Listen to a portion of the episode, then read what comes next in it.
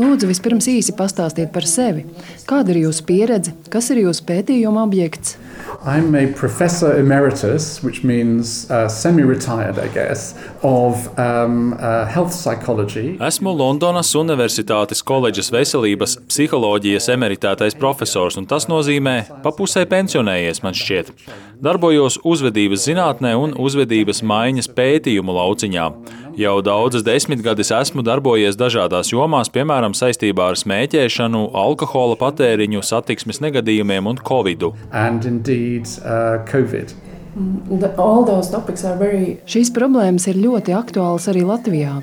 Pie mums ir augsts alkohola patēriņa līmenis, ir daudz smēķētāju, cilvēki sēžas pie stūres ierēbuši. Ko var darīt, lai to mainītu? Uh,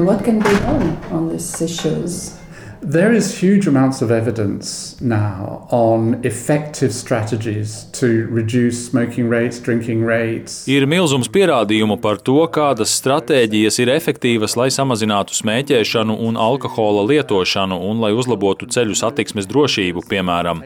Un lai patiešām veicinātu uzvedību, kas pasargā cilvēkus no infekcijas slimībām, tādām kā Covid. Sarežģītākais vienmēr ir tas, kā panākt, lai politikas veidotāji šos pierādījumus liktu lietā. Apvienotajā karalistē bija kāds ļoti jauks dabisks eksperiments. Pagājušā gadsimta beigās mūsu toreizējā valdība neko sevišķi daudz nedarīja, lai mazinātu smēķēšanu. Paaugstināja tabakas cenas, un tas arī lielos vilcienos bija viss. Smēķēšanas rādītāji tolaik bija ļoti augsti, augstāki nekā Latvijā tagad, un tie nesamazinājās. Un tad, tas bija ap 2000. gadu, mēs sākām izmantot jau apkopotos pierādījumus par to, kas var veicināt smēķēšanas samazinājumu.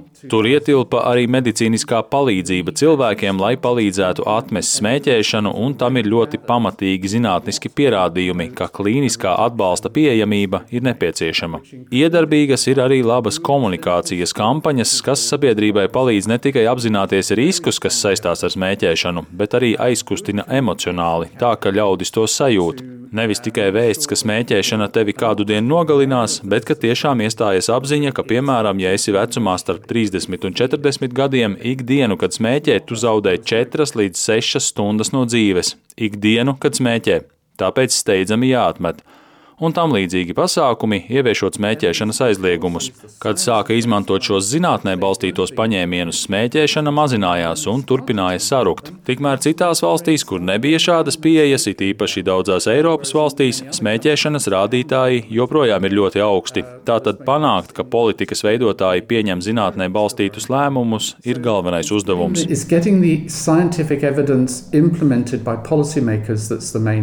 The emotions is one uh, Tātad emocijas ir viena no pogām, kuru būtu jāspiež valdībai. Tomēr gaidīju, ka teiksiet, ka jāapelē arī pie ekonomiskiem apsvērumiem. Piemēram, ka alkohols vai cigaretes izmaksā daudz naudas, ko varētu iztērēt citādi. It's part of it. I think the, the, the key to the success of the smoking campaign in, in England was. Tā ir daļa no kopuma. Panākumu atslēga pret smēķēšanas kampaņā Anglijā nebija tikai kāds viens aspekts. Tikai pavēstīt, ka kaut kas jādara, tikai iebiedēt. Tas bija atbalsts vides maiņa, lai padarītu pieejamāku palīdzību. Tur ir tas uzvedības maiņas noslēpums, ka izveidot tādu vidi, ka ir vieglāk izdarīt to, ko vairākums jau tāpat grib darīt. Domāju, ka daudzējādi Šādā ziņā cilvēki Latvijā ir līdzīgi ļaudīm vairākumā citu valstu. Lielākoties smēķētāji grib atmest, viņi labprāt nesmēķētu, viņi jau apzinās risku. Tāpēc jautājums ir, kā radīt vidi, kas atvieglo šo soli. Zināmā mērā tas pats attiecas uz alkohola lietošanu. Te atšķirība ir tāda, ka dzeršana ir ļoti dziļi iesakņojusies. Mēs iedzeram vai katrā sabiedriskā pasākumā, un neliela daudzuma alkohola lietošanai ir ļoti zems risks. Ar augstu risku saistās liels alkohola patēriņš, laikam ar ne tik augstu, kā domā vairākums ļaužu. Ko var darīt, lai to risinātu? Pierādījumi liecina, ka daudz ko var iesākt saistībā ar vidi, kurā cilvēki dzīvo, raugoties uz tādām lietām kā alkohola reklāma un ierobežojot to. Arī alkohola cena izraisa izmaiņas, ja to paaugstina. Arī kampaņas, taču ne tādas, kurās sprediķo, ka nevajadzētu dzert vai tam līdzīgi. Tām jābūt informatīvām, piemēram, ar vēstījumu Vai zināji, ka sievietēm arī relatīvi neliels alkohola daudzums palielina krūts vēža risku? Vairākums to nezina. Nezina nezina, ka alkohols paaugstina sirdslimību risku. Saliekot visu kopā, rodas visaptveroša stratēģija, kura spēj panākt izmaiņas. Tam, ka šāda pieeja darbojas, ir daudz pierādījumu. and you've got a comprehensive strategy, it does make a difference. The evidence is very good on that. Before this interview, you mentioned that Iepriekš esat paudis, ka kampaņām nav jābūt tik daudz radošām, kā zinātnē balstītām. Vai varat izvērst šo domu? Give some ideas about that. Sure. So, um, when you're working with communications uh, people and advertising agencies and so on, Protams, ļaudis, kas strādā komunikācijā un reklāmas aģentūrās, jūt spēcīgu pamudinājumu būt radošiem un nākt klajā ar idejām, kas būs ļoti interesantas, jautras, kaut kādā ziņā kā jauninājums, un ka iznākumā par tām varēs saņemt apbalvojumus. Jā, būt radošiem tas ir ļoti jauki, tomēr jābūt zinātniskam pamatam. Citādi var trāpīt nepareizā mērķī. Es lietotu metaforu vai drīzāk analoģiju ar mūziku. Kāds varētu izlemt, es būšu mūziķis, būšu radošs, taču, ja neesi apguvis mūzikas teoriju, ja neesi mācījies spēlēt, teiksim, violi vai klavieres, ja nesaproti pašus pamatus, tavs radošums izklausīsies diezgan slikti. Vari būt radošs, bet ar to būs par maz, lai klausītājos izraisītu emocijas. Tāpēc kreativitāte darbojas darbojas tikai uz stipriem teorētiskiem un zinātniskiem pamatiem. Tā tas ir mūzikā, vizuālajā mākslā. Tāpēc jau mācās mākslas vai mūzikas skolā. Tas pats ar komunikāciju. Jāatceras, ka ir zinātne, kurā to balstīt, un ka radošums darbojas kopā ar to, nevis tās vietā. That uh, Vai nedomājat, ka sabiedrība pierod pie kampaņām, kuras atkārtojas gadu no gada? Piemēram, rozā lentītes kampaņas krūts vēža aktualizēšanai vai novembra kampaņas prostatas vēzim. Varbūt cilvēkiem apnīk, viņi tās vairs neredz.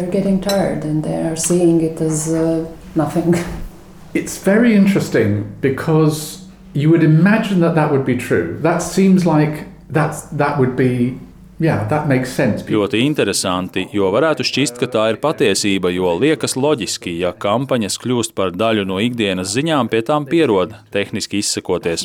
Taču tam nav pierādījumu. Pierādījumi liecina par ko citu. Tieši tādi paši argumenti bija vērsti pret dienu bez cigaretes. Mēs spējām izsekot šīs kampaņas ietekmei daudzu gadu garumā, un tā bija vienāda. Taču tas nozīmē, ka tad, ja rīko komunikācijas kampaņas, tās nedrīkst gadu no gada būt tieši tādas pašas. Tās jāatsvaidzina. Varat izmantot to pašu zīmolu. Tas, ko jūs sakāt, būtu kā apgalvot, ka cilvēkiem apnicis redzēt Coca-Cola skārdeni, un tāpēc viņi saka, es nepirkšu kolu, jo esmu šo bunžu jau redzējis. Bet tas tā nedarbojas. Kad Coca-Cola centās nomainīt savu imidžu, tas neizdevās, jo cilvēkiem patīk skārdene un līdzšinējais zīmols. Arī kampaņas zīmols jāsaglabā tikai atsveidzinot to, pie kā cilvēki jau pieraduši, pie vēstījuma. Nereti jāatrod jauni, radoši veidi, kā pavēstīt tā paša satura ziņas citādā formā. Komunikācijas speciālisti ar to nodarbojas, un tas ir iedarbīgi, jo ļaudīm ir īsa atmiņa. Var atgriezties pie kampaņas, ko veidojāt pirms pieciem gadiem. Interesanti, ka tas var būt pat noderīgi. Cilvēki to redz un nodomā, ah, tas man kaut ko atgādina. Tā šķiet pazīstama, bet atpazīstamībā var balstīties patika. Atbilde ir šāda. Tādas kampaņas kā Diena bez cigaretes vai Movembris ir it kā iebūvētas sabiedrības psihē, un tām joprojām ir tāda pati ietekme. Tās tikai gudri jāpasniedz. Vai tā nav manipulācija? It's, well, This is a very good question. So, are we, you know, as behavioral scientists? Tā. Labi, ļoti labs jautājums. Vai mūsu kā uzvedības zinātnieku darbs ir dot padomus valdībām, kā manipulēt ar cilvēkiem? Atbilde Kaut kādā ziņā jā, jo tas ir ļoti acīm redzami, ka vēlamies ietekmēt uzvedību. Bet kaut kādā ziņā nē, jo ar vārdu manipulēt saprotam, ka kāds cenšas panākt, ka citi kaut ko dara mūsu labā, un tas ir kaut kas gluži pretējs kaut kā darīšanai sevis paša labā. Tāpēc, ja vēršamies pie publikas, kurai jau tāpat saprot, ka smēķēt ir kaitīgi un vairums smēķētāju grib atmest, šāda publika pieņems nodokļu celšanu un pieņems veselības kampaņas. Es gribu tikt ietekmēts. Lūdzu, palīdziet man tikt ietekmētam. Šeit noder metāfora no sengrieķu mitoloģijas par Odiseju, kurš lūdza komandu viņu piesiet pie masta, lai neļautu sirēnu dziesmām uzvilināt kuģi klintīm. Cilvēkiem tas patīk. Apskaidrības brīžos apdomājoties, mēs taču mēdzam teikt, vēlos, lai tu man palīdzi to pārtraukt. Lūdzu, apturi mani. Un, ja to izdara valdība, apzinoties sabiedrības vajadzības un ar sabiedrības piekrišanu, tā nav manipulācija, bet sabiedrības veselība. Tomēr jābūt piesardzīgiem. Mēs neesam dievi un mums nav jāizlemj, cik tālu iet. Manuprāt, reizēm veselības aprūpes sistēma iet par tālu. Ļaudis, kuri strādā veselības aprūpē, reizēm kļūst fanātiski un it kā sapinas paši savā vērtību sistēmā.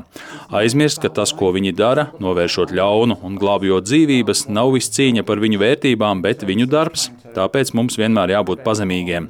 Uzvedības pētniekiem jābūt pazemīgiem un sev jāatgādina, nav svarīgi, ko es gribu un ko es domāju, es strādāju cilvēku labā.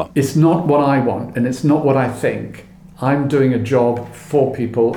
Remember, um... Klausoties, atcerējos, ka kādas lielas klīnikas vadība veica pētījumu par to, kāpēc personāls nemazgā un nedezinficē rokas, kaut gan visur izlikti uzraksti par to, cik tas svarīgi, lai neizplatītos baktērijas. Izrādījās, cilvēki tā dara aiz atriebības, jo neredz citu veidu, kā protestēt pret lielo slodzi un zemajām algām. Bad mm. thing for mm. them. Mm. Uh, uh, that's that's very sad, um, but it actually points to a very important Tas ir ļoti skumji, taču tas norāda uz kādu svarīgu punktu uzvedības maiņā. Proti, ja gribi zināt, uz ko mērķēt, lai izmainītu uzvedību, ir jāveic izpēte, nevis tikai jāizdara pieņēmumi par to, kāpēc kāds rīkojas tā vai citādi. Ja veic šādu izpēti, iznākums var būt tāds, kas iepriekš neprātā nevar ienākt, un rezultāti dažādās situācijās atšķiras. Viena veida uzvedībai var būt atšķirīgs konteksts, un to var izraisīt dažādi iemesli. Pieminējāt roku mazgāšanu, kas bija milzīga problēma intrahospitālo infekciju kontekstā un nāvis cēlonis daudziem pacientiem ik gadu. Personāla uzvedība bija tieši tāda pati. Rokas nemazgāja, bet cēlonis nebija tas pats, jo atalgojums bija labs. Cēlonis bija meklējams darba vidē kopumā, maiņu darba organizācijā, kurā trūka pamudinājuma un atgādinājuma, lai roku mazgāšanu padarītu par paradumu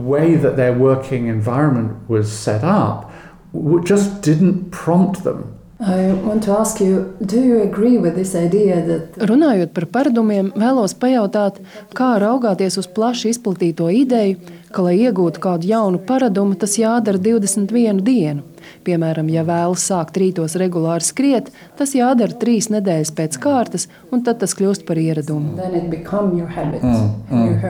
I have heard about it, and it's a very nice example of how behavioral science can be somehow mistranslated. Tas nekad tā nenotiks, ka sākumā nav paraduma, bet tad brīnumainā kārtā pēc 21 dienas saproti, ak, Dievs, man ir paradums. Tā nekad nenotiks. Kas tad patiesībā darbojas? Paradumi izveidojas atkārtošanas ceļā, tas tiesa. Tie izveidojas atkārtošanas ceļā vienā un tajā pašā kontekstā. Ja grib izveidot jaunu paradumu, viens un tas pats jādara vienā un tajā pašā situācijā, līdz tas notiek automātiski. Taču patiesībā neviena no šīm darbībām, zobu tīrīšana, iešana dušā, sporta zāles apmeklējumi, nav patiesi ieradumi. Ne tādā ziņā, ka notiek tīri automātiski. Nav jau tā, ka pēkšņi attopaties sporta zālē un nesaprotat, kā esat tur nonācis. Tas, ko var attīstīt, ir ieraduma spēks. Proti, kāda darbība jeb uzvedība var kļūt arvien automātiskāka, tomēr tā joprojām ir atkarīga no gribas un nodomu mehānisma. under the control of your volitional or your intentional mechanisms.